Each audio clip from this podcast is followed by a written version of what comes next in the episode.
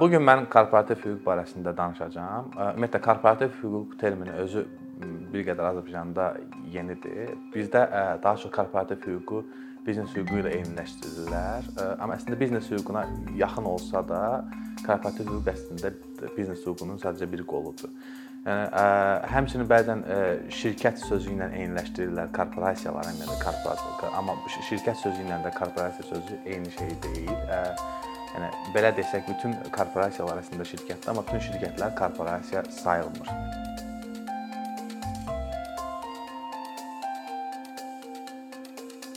Korporativ hüququn ümumiyyətlə tarixinə biz baxsaq, korporativ hüquq necə yaranıb? Korporativ hüquq yaranıb orta əsrlər Avropasında yaranıb. Böyük coğrafi kəşflər dövründə yaranıb. Nə, nə üçün yaranıb? Böyük coğrafi kəşflər dövründə xüsusilə bu gəmi səyahətləri, yeni ticarət ümumiyyətlə əlaqələri qurulması ekspedisiyalar çox bahalı bir proses idi. Bu hansısa bir e, varlı tacirin yəni imkanı daxilində deyildi. Nəinki hətta dövlətin də belə, dövlətlərin İngiltərənin, Hollandiya kimi dövlətlərin belə imkanı yox idi ki, e, bir ekspedisiyanı tam şəkildə maliyyələşdirsin və belə bir hüquq sahəsi var, Lex Mercatoria, ticarət hüququ. Tacirlər ümumiyyətlə birləşib bu o vaxt birgə növ şərikli bir müəssisələr yaradırdılar. Yəni joint joint stock company ilk yaranan korporasiya tipli hesab edilir ki, joint stock company-lər sayılır. Yəni birgə bizim dildə səhmdar cəmiyyətlərin bir erkən formaları. Bunlar amma o, o zamanlar bir qədər fərqli idi. O zamanlar İngiltərə kralı və ya Holland Holland kralı verdiyi imtiyaz hüququ, imtiyazlı xüsusi, yəni hər kəsin bir növ bu biznesə girmək imkanı yox idi. İmtiyaz Austin şirkəti, Westin şirkəti kimi şirkətlər yaradılırdı və onlara böyük monopoliya hüquqları verilirdi kral tərəfindən və onlar artıq sonradan gedib bu hüquqları satırdılar individual tacirlərə, şəriklərə satırdılar. Amma zaman ə, keçdikcə bu artıq müasir artıq müəyyən bir dövrdən sonra müasir ilk korporasiyalarının özünlüyünü qoymuş oldu və uzun müddətdə bu belə davam etdi. Və hətta hesab olunur ki, Avropa cəmiyyətinin, ümumiyyətlə Qərb cəmiyyətinin Şərq cəmiyyətindən intibah dövründə ayrılması və qalxmasının və güclü səbəblərindən biri də iqtisadiyyatların dirçəlməsinin səbəblərindən biri də bu bu ticarət ümumiyyətlə korporasiyaları, bu ümumiyyətlə şirkətlər olub ki, ki imkan verirdi ki, iqtisadiyyatın bütün iştirakçıları, yəni ayrı-ayrı hər cəmiyyətin bütün təbəqələri iştirak eləsin bu prosesdə səhm almaqla, pay almaqla.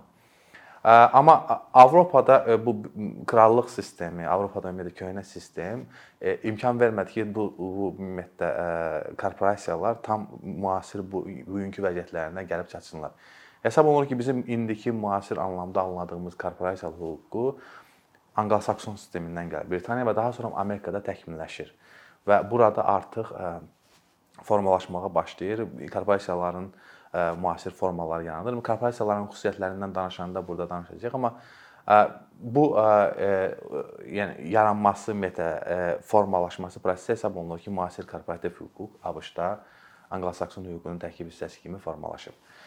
Azərbaycanın ümumiyyətlə korporativ hüququn tarixinə baxsaq, mən ümumiyyətlə Azərbaycanın ən gözəl dövrü, tarixi dövrü hesab etdiyim bir dövrəm var, hansı ki bizim milli intibah dediyimiz dövrdür. 19-cu əsrin sonu və 20-ci əsrin əvvəllər hansı prosesi gətirib xalq cəmiyyətinin qurulmasına çıxartdı. O dövrdə təkcə milli kapital yox, bilirsiniz, xarici kapital da, Nobel qardaşları da, Rothschildlər də, Siemens qardaşları da, rus biznesmenləri, erməni biznesmenləri, yəhudi biznesmenləri hamısı Bakı iqtisadi ümumiyyətlə qazanımında fəaliyyət göstərirdilər və onlar neft sənayesinə investisiyalar qoyurdular. Təbii ki də investisiyaların həcmi artdıqca bunun tənzimləməsi ehtiyacı alırdı. Əvvəl sadəcə quyu alıb bu quyuya e, quyudan neft çıxardırdınsa, məsələn Zeynalabdin Tağıyevin nümunəsində. Daha sonra biznes böyüdükdə artıq biznesin şərikləri ortaya çıxır, biznesin mürəkkəb e, elementləri ortaya çıxır və orada artıq e, korporativ hüququn ilkin elementlərini biz görürük. Mənim ən sevdiyim tarixdə o sevdiyim nümunələrdən biri Tağıyevdir. Tağıyev özü biznes e, yəni biznes savadı olmasa da, hüquqi savadı olmasa da ətrafında çox geniş məsləhətçilər şəbəkəsi var idi Azərbaycanda bəlkə ən ağıllı biznes e, təşəbbüslərini, yəni Azərbaycanda bilirsiniz, təkcə neft sənayesi ilə məhdudlaşmayıb, o toxuculuq sənayesində də olub, balıqçılıq sənayesində də. Və bütün bu biznesləri hüquqi və iqtisadi baxımdan onu idarə edən məsləhətçilər olub. Məşhur bir e, bir bir saziş, məşhur bir nümunəsi var. Tağıyev 1-ci müharibəsinin ərəfəsində çox ağıllı bir hərəkət eləyir. Öz neft payları, neft mədənlərindəki payların böyük bir qismini satır. Satır amma bağladığı müqavilədə ki, onu indiki birazdan danışacağam, korporativ bir müqavilə sahibləri səhmdarlar, payçılar arasında bir müqavilənin bir ilkin nümunəsi də saya bilərik. Orada sadəcə qeyd olunur ki, bəs gələcəkdə bu Tağıyev xeyrə ortaqdır, amma zərərə ortaq deyil. Və üstündən bir müddət keçir, 2-ci Dünya müharibəsi dönəmi, dünya iqtisadi böhranı falan, neft kəskin qiyməti düşür. Tağıyev nəhayətdə burdan üstün çıxır. Yəni burdan qabaqda çıxır. Biz qısaca korporativ hüququn tarixindən danışdıq, amma həm də qeyd elədik ki, şirkət və korporasiya arasında, ümumiyyətlə biznes və korporasiya arasında bir qədər fərq var. Yəni ikisi eyni şey deyil. Yəni korporasiyalar biznesin bir növüdür, korporasiyalar şirkətlərin bir növüdür. Hüquqi bizim dillə desək hüquqi şəxsin bir növüdür, amma bütün hüquqi şəxslərə korporasiya sayılmır. Ümumiyyətlə sözün kökünə baxsaq, burada bizə çox ilkin belə məlumatı vermiş olur. Korporasiya korpus sözündəndir, o bədən sözündəndir. Ümumiyyətlə korporasiya bizim dildə də belə termin var, hüquqi şəxs sayılır. Yəni korporasiya özünün bir şəxsiyyəti olduğu hesab olunur. Və korporasiyanın şəxsiyyəti o deməkdir ki, bizim ümumiyyətlə mülki məcəllələrdə də e, qeyd olunub, 43-cü maddədə qeyd olunub ki, hüquqi şəxsin anlayışında bu barədə məlumat verilir. Hüquqi şəxs e, yəni e, öz adından hüquqlar həyata keçirə bilər, əmlaka sahib ola bilər, əqdlər bağlaya bilər məsuliyyət məsuliyyətlə bağlı məsələlər, korporasiyaya gəldikdə məsuliyyətin məhdudlaşdırılması ilə bağlı məsələlər var. Bütün bunlar e, korporasiyanın özünün bir şəxsiyyətidir. Yəni e, istənilən biz e, tam gündəlik ümumiyyətlə biznes həyatında insanlar öz aralarında müəyyən bir əqdlər bağlayırlar, müəyyən ticarətlər aparırlar, müəyyən iqtisadi münasibətlərə girirlər. Amma bunların heç biri korporasiya sayılmır. Korporasiya ümumiyyətlə belə hesab olunur ki, dövlət qeydiyyatından keçmiş ümumiyyətlə dövlət qeydiyyatından keçir və dövlət qeydiyyatından keçdiyi andan onun yaradılır bir növ korporasiya yaradılır. Onun artıq özünün ayrıca bir şəxsiyyəti formalaşır. Ümumiyyətlə korporasiyanın bir, bir çox növləri var. Biz burada Azərbaycanda əsas işlənən forma kimi MMC-lərdən biz məsul məsuliyyətli cəmiyyətlər və səhmdar cəmiyyətlərdən danışacağıq. MMC-lərin nümunəsində baxsaq, mülki məcəllə də qeyd edilir ki, öz öhdəliklərinə görə yalnız özünün əmlakı ilə cavabdehdir. Bu da bu bir növ o məsuliyyət məsələsinə baxsaq, bu da onun bir növ şəxsiyyətinin ayrılığını, fərdiliyi, individuallığını göstərir. Yəni bu nə deməkdir? Səhərçi gün MMC-nin borcuna görə, e, MMC-nin borcuna görə götürüb MMC-nin sahibindən, payçısının əmlakından gedib evinə həbs qoymaq, gedib e, maşınını almaq mümkün deyil. Yalnız MMC-nin öz mülkiyyətinə münasibətdə, yəni MMC-nin öz aktivlərinə münasibətdə və həmçinin səhəm səhəm e, paylarına münasibətdə, münasibətdə bu iddialar bu yönəldilə bilər. Və burada da məsuliyyət məsələsi ilə bağlı belə bir məşhur termin var, corporate veil, yəni korporativ örtük hey var. Yəni istisna hallar xaric hüquq, yəni dövlət korporativ örtüyü yırtıb, yəni payçının piercing corporate veil payçının şəxsi məsuliyyətə cəlb etməməlidir. Bundan bunlar istisna hallar hansılar hesab olunur? Ümumiyyətlə Anglo-Sakson hüququnda da baxsaq, beynəlxalq hüquqda da baxsaq, istisna hallar kimi hesab olunur. Tutaq ki, MMC sırf formal olaraq yaradılıb ki, hansısa bir qeyri-qanuni fəaliyyətlə məşğul olunsun. Və ya MMC formal olaraq yaradılıb ki, hansısa bir məsuliyyəti, yəni əvvəlcədən əvvəlcədən güman edilən hansı bir qeyri-qanuni fəaliyyətlə məşğul olmaq istədilə sırf korporativ örtük məqsədi ilə yaradılıb. Bununla bağlı da istisnalar çox nadir hallarda baş verir. Yəni Bunun da mahiyyəti odur ki, əslində yaranma səbəbi də odur ki, ümumiyyətlə korporasiyaların, məhdud məsuliyyətli cəmiyyətlərin yaranma səbəbi də odur ki, ümumiyyətlə iqtisadi münasibətlər olsun, bir çox məsələlər olsun, məsələn, ətraf mühitlə bağlı məsələlər olsun, ümumiyyətlə digər məsələlər olsun. Bunlar qeyri-stabildir və bunlarla bağlı əgər bütün məsuliyyəti əgər siz bu korporativ örtük olmasa, yönəltsəz səhmdarlara, o halda iqtisadi oyunçuların da maraqları olmayacaq ki, hansısa bir iqtisadi fəaliyyətdə məşğul olsunlar. Çünki onların da müəyyən bir gözləntisi olmalıdır ki, onlar bu məsuliyyət məsələsi ümumiyyətlə iqtisadi fəaliyyətin nəticələrinə görə məsuliyyət məsələsi müəyyən bir limiti var. Tutaq ki, mən qoyduğum maya həddində məsuliyyət daşıyacağam. Yəni mən fikirləşirəm ki, mən bura tutulam ki, 100 manat və ya 1000 manat investisiya qoyuram. Mənim gözləntilərim də bundan gəlir baxımından da bunun mənim fəaliyyətimə uyğun olaraq qoyduğum enerji, qoyduğum pula uyğun olaraq burdan alacağım fayda ilə də bağlı bir gözləntim var. Həmçinin burdan alacağım zərər, burdan alacağım məsuliyyətlə də bağlı mənim gözləntilərim var ki, məhdud məsuliyyətli cəmiyyətdə nümunədə korporasiya nümunəsi, nümunəsi kimi orada məhdudlaşdırılmışdır.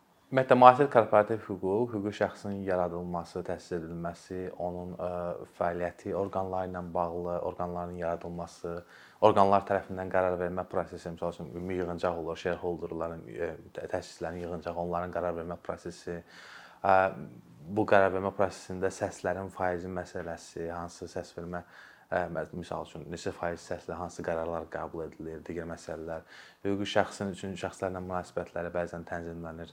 Yəni müqavilələrlə müqavilələr bağlama məsələləri bəzən tənzimlənir. Bu ümumiyyətlə sənədlər çərçivəsində, təhsil sənədləri çərçivəsində nizamlanma olsun. Korporativ hüquq həmçinin təsislər arasında shareholder agreementlərlə bağlı məsələləri tənzimləyir. Həmçinin yekun olaraq hüquqi şəxsin ləğv edilməsi və ləğv edilməsi ilə bağlı prosesləri tənzimləyir. Azərbaycanda baxdıqda Azərbaycanda korporativ hüququn əsasını mülki məcəllələrin 4-cü fəsli təşkil edir. Hüquqi şəxslərlə bağlı bölməsi təşkil edir. Burada hüquqi şəxslərlə bağlı həm ümumi məsələlər tənzimlənir, həm də hüquqi şəxsin ayrı-ayrı növləri, yəni məsələn, MMC-lərlə bağlı e, və ya tutaq ki, səhmdar cəmiyyətlərlə bağlı və ya korporativlərlə bağlı normalar əzini əks etdirir. Mülki məcəllənin 4-cü fəslinə əlavə olaraq həmçinin xüsusi fəaliyyət sahələrində, məsələn, bank banklarla bağlı, sığorta təşkilatları ilə bağlı e, bu hüquqi şəxslərə, bu fəaliyyət sferada fəaliyyət göstərən hüquqi şəxslərə spesifik o sahənin normaları da tətbiq olunur. Həmçinin mülki məcəllələrin 390-cı maddəsi var ki, müqavilələr azadlığı prinsipi var. Bu normanın əhəmiyyəti ilə bağlı xüsusilə vurğulayacağam. Bu norma ilə bağlı həmçinin qeyd olunur ki, ümumiyyətlə mülki məcəllələrin bütün ümumiyyətlə sahələrlə, iqtisadi fəaliyyət növləri ilə bağlı ümumiyyətlə mülki məcəllələrdə qadağan olunmayan, ümumiyyətlə qanunla birbaşa qadağan olunmayan istənilən məsələ ilə bağlı tərəflərin həmçinin təsisçilərin, səhmdarların müqavilələr bağlamaq hüquqları mövcuddur. Bu nəyə görə önəmlidir? Bunun önəmini indi vurğulamaq istəyirəm. Bunun önəmi ondadır ki, mülki məcəllə ümumiyyətlə qısa bir haşiyəyə çıxım. Ümumiyyətlə hüquq sistemləri iki yerə bölünür. Anglo-Sakson, Roman Germaniya, kontinental Avropa ölkələri Azərbaycan tutan bura daxildir, Fransa daxildir, Almaniya daxildir. Bizdə hər şey, yəni sadə dillə desək, qanunda olmalıdır ki, ona istinad edə bilərsən. Yəni qanunda olmayan norma çərçivəsində hansısa bir e, hüquqi hərəkətə yol verilə bilmir. Anglo-Sakson ölkəsində isə həm yazılan statutlar var, amma əsas orada hüququn mənbəyi, orada hüquq presedentlərdən gəlir, məhkəmə presedentlərdən gəlir. Eyni məsələlərlə bağlı bəlkə bir 1000 il ərzində bəlkə 1000 qərar var. O nəticə etibarilə gəlib həm təcrübəni formalaşdırıb, korporativ hüququ yaradıb, həm də ki, onunla bağlı hüquqi əsasları yaradıb. Azərbaycanda da bu müqavilələr azadlığı prinsipi mülki məsələdə 390-cı maddədə göstərilən müqavilələr azadlığı prinsipi sırf çox önəmlidir. Çünki mən hesab edirəm ki, biz mən bura gələndə bir statistikaya baxdım. Doing Business Guide deyilən bir qayda var Dünya Bankının. Bu nə üçün önəmlidir? İnvestorlar, tutaq ki, mən Elon Musk hansısa bir ölkəyə gəlib investisiya qoymaq istəyəndə mən açıram, baxdığım ilk mənbələrdən biri Doing Business Guide-dır. Mən baxıram ki, bu ölkədə ümumiyyətlə biznes mühiti necədir? Bizim son nəticəmiz, axırıncı il üzrə nəticəmiz orada çox gözəldir. 34-cü yerdəyik. Amma ayrı elementlərə baxsaq, orada görərik ki, müəyyən problemlər var və daha sofistikate, daha mükəmməl yanaşan investor ora baxacaq və orada müəyyən problemləri görəcək. Bunlardan biri nədir? Baxırsan ki, mən investor kimi gəlib pulumu qoyanda mənim üçün önəmli olan nədir? Mən bağlayacağım müqavilələri səhər gün gəlib məhkəmə tətbiq edəcək və icra etdirə biləcəm. Bununla bağlı biz 28-ci yerdəyik. O da daha pis nəticə sayılmır. Bundan bağlı da hökumətin son illərdə müəyyən islahatları olub, ki, təqdirə layiq bu müəyyən nəticənin gəlməsinə çıxarıb təsir göstərir. Amma orada digər məsəl üçün məqamlar var. Tam azlıq o da olan payçıların hüquqlarının tətbiq edilməsi ilə bağlı. Orada baxırıq ki, biz 105-ci yerdəyik və ki, yaxşı nəticə deyil. Azlıqda olan payçılar nədir? Biz yaradırıq bir dənə MMC yaradırıq. Siz 80% pul qoyursunuz, siz 100 min pul qoyursunuz, mən 10 min pul qoyuram.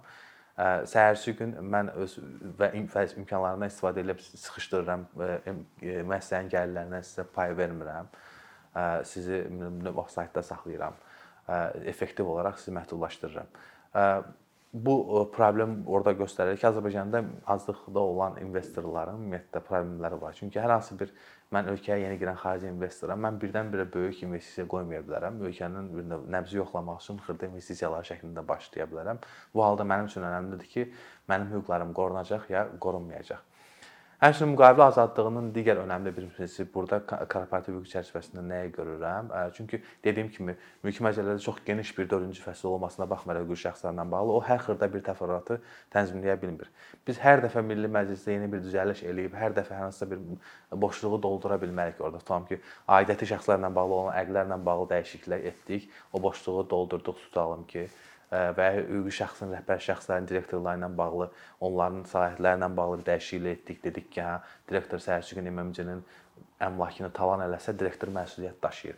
Bununla bağlı normalara saldıq, aidiyyəti şəxslə bağlanmış əqdlə bağlı məsələni tənzimlədik. Yenə də bağlaya bilməyəcəyik. Müqavilə azadlığı isə bizə imkan verir ki, bütün bu qanunun qadağan etmədiyi məsələləri, boşluqları, yəni biz dolduraq. Yox, Azərbaycanda bu yaxınlarda mənə bir müraciət olmuşdu. Çox bu maraqlı bir termin var tag along rights ingiliscəsindən qoşulmaq hüququ ilə bağlı. Tutalım ki, investor səhmdarlardır, aralarında müqavilə bağlayırlar. Müqavilə bağlayanda deyirlər ki, səhərsi gün sən öz payını satanda, mən çünki bəlkə sənə görə gəlmişəm, tutam ki, mən sən maraqlıyam ki, sən burada iştirakçısan. Tutam Elon Musk burada payçıdır. Mən maraqlıyam ki, Elon Musk nə qədər burada var, mən burada yaxşı qazanacağam. Sən səhərsi gün öz payını satanda, mən də səndən bir yerdə öz payımı sata bilərəm. Və ya tutalım ki, investorlar var, hansısa bir şirkətə xarici bir investordur gəlir, investisiya qoyur. Və o investisiya qoyanda o ona maraqlıdır ki, burada tutulam ki, pay alıram burada. Mən burada effektiv kontrola malik olum. Burada da bir 10 dənə payçı var. Orda bir mexanizm var ki, mən bunun bu şəxsin payını almaq istəyəndə digər şəxsin də payını almaq imkanım olsun. Orada da drag along rights deyilən bir dənə nümunə var ki, dartmaq, bir sadə dillə dartmaq hüququ da Mən öz payımı satanda müqavilə çərçivəsində səhmdarlarla müqaviləm var ki, mən satsam, siz də məndən bir yerdə satmalısınız. Ki, son bu investor üçün maraqlıdır ki, investor investisiya qoyanda bunu yəni tənzimləmə mümkün olsun. Bu mülki məcəllələrdə birbaşa olaraq belə bir forma göstərilməyib. Bizdə də məhkəmələrdə bəzən problem olur. Mənə müraciət nə ilə bağlı idi? Mənə müraciət onunla bağlı idi ki, bizdə qanunvericilikdə birbaşa belə bir forma göstərilməyib bizim şəriklərdə cığalçılıq eləmək istəyirlər. Deyirlər ki, yox, belə bir şey bizim mülki məcəllədə yoxdur. Biz bunu tətbiq eləmək istəmirik. Amma investor da xaricidə, investor da istəyir ki, tətbiq eləsin normanı. O halda nə yaranır? Məhkəmədə də indi deyək ki, məhkəmələr də tam şəffaf işləsələr belə norma olmadığına görə fikirləşə bilərlər ki, bu bu bu icazə verilmir qanunun. Amma mülki məcəllərin 390-cı maddəsi nə deyir? Deyir ki, əgər mülki məcəllərin imperativ normalarına qarşı olan, qanunla qadağan edilməyən bir şey yoxdursa, sən onu ə, yəni eləyə bilərsən. Bu nöqtədən 390-cı maddə çox əhəmilidir və mən fikirləşirəm ki, hətta gələcəkdə Azərbaycan hökuməti tutun korporativ idarəetmə ilə bağlı standartlar var idi bir müddət ortaya çıxdı və düzdür tətbiqində problemlər var. Hökumət məsəl üçün müəyyən bir bələdçi qaydalar müəyyən edə bilər, korporativ standartları müəyyən edə bilər və hansına ki 390-cı maddə ilə əsaslandırmaq olar ki, yəni baxmayaraq ki, mülki məcəllədə birbaşa göstərilməyib, amma bu qanunla qadın müqavilə azadlığı prinsipi çərçivəsində bunu etmək olar. Bu həm qanunverici üzərində yükü azaldacaq, Milli Məclis hər dəfə yeni bir norma yaratsın, hər dəfə mülki məcəllələrdə, qanunlarda dəyişiklik etsin, onun qarşısını alacaq. Həm də biznes inkişafı üçün daha ideal mühit yaradacaq. Yəni biznes iqtisadiyyat iştirakçılarına, subyektlərinə yaradacaq ki, özünüz tənzimləyin. Biz ümumi bir e, belə guideline norma qoymuşuq. Biz deyirik ki, sizə bu qadağan edilmiş qanunda müqavilə azadlığı prinsiplərini icra edə bilərsiniz və bunun əsasında da hərəkət eləyək. Mən fikirləşirəm ki, Azərbaycanda bu dəqiqə əsas ə, e, məsələ korporativ hüquqda ə, e, bizim bu sistemin, kontent roman german sisteminin xüsusiyyəti odur ki, dediyim kimi hər bir şey gərək mütləq qanunda əks olunsun. Hakimlərimiz də öyrəşiblər ki, baxmayaraq ki, bizdə ali məhkəmənin müəyyən bir president hüququ ə, səlahiyyətləri var. Bizim hakimlər də hətta bizim tətbiq edərkən də çalışırlar ki, mülki məsələlərdə olmayan bir şeyə biraz çəkinirlər ona istinadlar eləməkdən, biraz çəkinirlər ondan istifadə etməkdən. Mən fikirləşirəm ki, bu çıxış yoludur ki, yəni bir neçə dəfə tanınsa məhkəmələr tərəfindən bu cür formalar, yəni bu cür müqavilə formaları bir neçə dəfə tətbiq olunsa, onda iqtisadiyyatda da yəni bir növ buna inam yaranacaq. Bir başqa nümunə başqa bir nümunə çəkmək olar ki, hansısa ki, korporativ hüququn ümumiyyətlə ölkəyə investisiyaların cəlb edilməsində, ölkədə iqtisadi inkişafda çox böyük rol ala bilər. Yəni bu formaların tətbiq edilməsini. Məsələn, public-private partnership modeli var. Azərbaycan hökuməti illərdir bu model üzərində çalışır. Hətta xüsusi müqavilə şablonları hazırlanıb xarici konsaltinq şirkətləri tərəfindən və public-private partnership-lə bağlı qanunvericiliyə müddəalar daxil edilib, yəni dövlət özəl tərəfdaşlığı ilə bağlı. Amma burada mən fikirləşirəm ki, korporativ hüququn önəmi, korporativ hüququn rolu bir qədər kölgədə qalıb. Yəni bir qədər ora fikir verilməyib. Nə baxımdan fikir verilməyib? Public-private partnership, yəni dövlət özəl tərəfdaşlığı nə deyir? Deyir ki, dövlət də pul qoyur və dövlət resurs qoyur, tam dövlət torpaq verir. Elon Musk kimi bir investor da gəlir, investisiya qoyur, know-how gətirir. Ortada bir özəl bir tərəfdaşlıq yaradılır. Yəni bir növ yaradılır, MMC yaradılır ya başqa bir korporasiya yaradılır. Bizim bizim kimi mövzumuz. O korporasiyanın dövlətlə səhmdar kimi, Elon Musk arasında səhmdar kimi münasibətlər korporativ hüquq çərçivəsində tənzimlənir.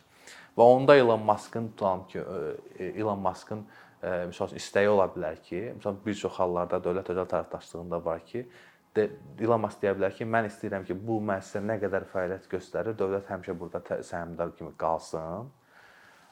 Dövlət müəyyən hüquqlara mənə imtiyazlar versin. Tamam, dövlət bu müəssisənin 10 illik fəaliyyəti dövründə səhmdar kimi çıxmayacaq. Payını dövlət gedib başqa-başqa bir şeyə satmayacaq. Çünki mən maraqlıyam ki, dövlət mənim tərəfdaşım olsun. Bu nədir? Bu bizim bayaqlara müzakirə etdiyimiz korporativ hüquqla bağlı səhmdarlar arasında olan müqavilənin bir şeydir. Yəni deyir ki, yəni dövlətə deyir ki, sən satmayacaqsan. Nə qədər ki mən investoram burada, nə qədər ki bu müəssisə fəaliyyət göstərir, sən burada qalacaqsan. Yəni dediyim kimi, korporativ hüququn çox geniş imkanları var ki, dövlət özəl tərəfdaşlıq çərçivəsində istifadə edilsin. Dövlətin özündə marağı var ki, mən bəzən nəyi müşahidə edirəm? Dövlətin özündə maraq var, amma özəl sektorun iştirakçılarında biraz qədər maraq zəifdir. Nə baxımdan zəifdir? Mən müşahidə etmişəm ki, Azərbaycanda böyük holdinqlər var məsələn. O böyük holdinqlər bazara yeni oyunçuların daxil olmasında bəzən maraqlı deyillər.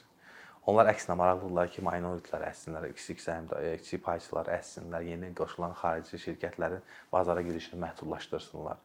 Və onlar buna maraqlı olduqlarına görə bəzən də bu korporativ hüququn verdiyi hüquqlar, məsələn, bayaqki nümunədə Dragon Rights-la bağlı məsələləri imkan yaratmaq istəmirlər. Ya e, məhkəməyə tə təzyiq etməyə çalışırlar, ya öz lobbiçilik imkanlarından istifadə edərək qanunvericilikdə müəyyən dəyişiklikləri bloklayırlar.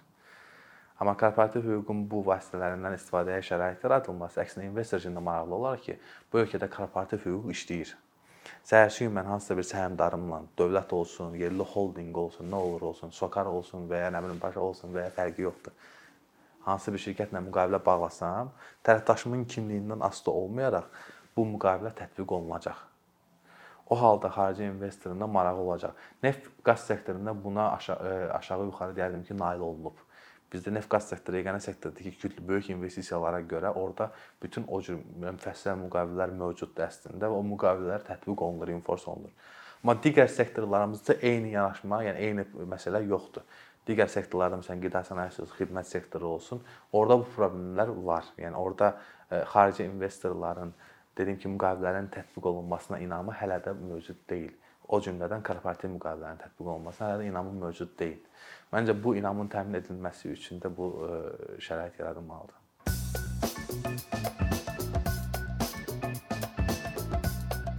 Bir neçə ildir ki, əkinçi olaraq Azərbaycanlı izləyicilərin hər zaman faydalana biləcəyi keyfiyyətli və ən əsas ödənişsiz kontent hazırlamağa çalışırıq. İndiyədək təqdim etdiyimiz onlarla animasiya və yüzlərlə çəkilişlər tələbələrin, mütəxəssislərin, müəllimlərin və ümumiyyətlə yeni mövzulardan xəbərdar olmaq istəyən çox sayda insanın marağına səbəb olub. Bu illər ərzində hazırladığımız videolar təhsil, texnologiya, ictimai fəallıq, iqtisadiyyat, gender bərabərliyi, ətraf mühit, ifadə ifadə azadlığı, hüquq, demokratik inkişaf, mədəniyyət və digər mövzuları əhatə edib. Məqsədimiz çoxlu baxış gətirən deyil, çoxlu fayda gətirən videolar hazırlamaqdır. Amma bu düşündüyümüz qədər asan deyilmiş. Gördüyümüz iş kifayət qədər resurs, əmək və təbii ki, davamlılıq tələb edir. Bu səbəbdən Patreon platformasından istifadəyə başladıq. Əkinçinin Patreon hesabının populyarlaşmasına çox böyük ümidlərimiz və gözləntilərimiz var. Bəziləriniz Patreon haqqında ilk dəfə eşidirsiniz. Əslində çox sadə izahı olan bir platformadır. Təsəvvür edin ki, siz rəssam və ya musiqiçisiz. Sosial şəbəkələrdə sizi izləyən, işinizi bəyənən çox sayda insan var. Patreon platforması sizə imkan verir ki, izləyicilərinizin könüllü aylıq ödənişləri sayəsində işinizi davam etdirəsiz. Sərgi, konsert zallarından asılı qalmayasınız. Amma bu təkcə rəssam və musiqiçilərə aid deyil. Məsələn, əkinçiyə bənzər fəaliyyətlə məşğul olan bəzi layihələrin 10 minlərlə patronu var. Biz də düşündük ki, nə üçün əkinçinin Patreon hesabı olmasın? Sizin dəstəyiniz sayəsində biz daha çox və daha keyfiyyətli kontent yaratmağa davam edə biləcəyik. Amma bu dəstək yalnız maddi dəstək deyil. Dəstəkçilərimizin sayının artması gördüyümüz işlərin faydalı olduğuna dair əminlik verir. Patreon platformasından istifadə çox sadədir. Hesabınızı açırsınız, sizə uyğun dəstək növünü seçirsiniz və Patreon özü hər ayın ilk günü kartınızdan seçdiyiniz dəstək növünə uyğun ödəniş tutur. Bu qədər. Sonda onu demək istəyirik ki, dəstəkçilərin sırasına qoşulmaq istəyən, amma məhdud imkana görə bunu edə bilməyənlər narahat olmasın. Daha öncə dediyimiz kimi, bizim əsas məqsədimiz daha çox insanın hər zaman faydalana biləcəyi keyfiyyətli və ödənişsiz kontentin yaradılmasıdır. Bunun üçün mütləq patronumuz patronumuz olmalısınız deyə məcburiyyət yoxdur. Amma imkanınız patron olmağa çatırsa və bizim işimizi bəyənirsinizsə, patronlarımızın sırasına qoşulmağınız bizim üçün çox əhəmilidir.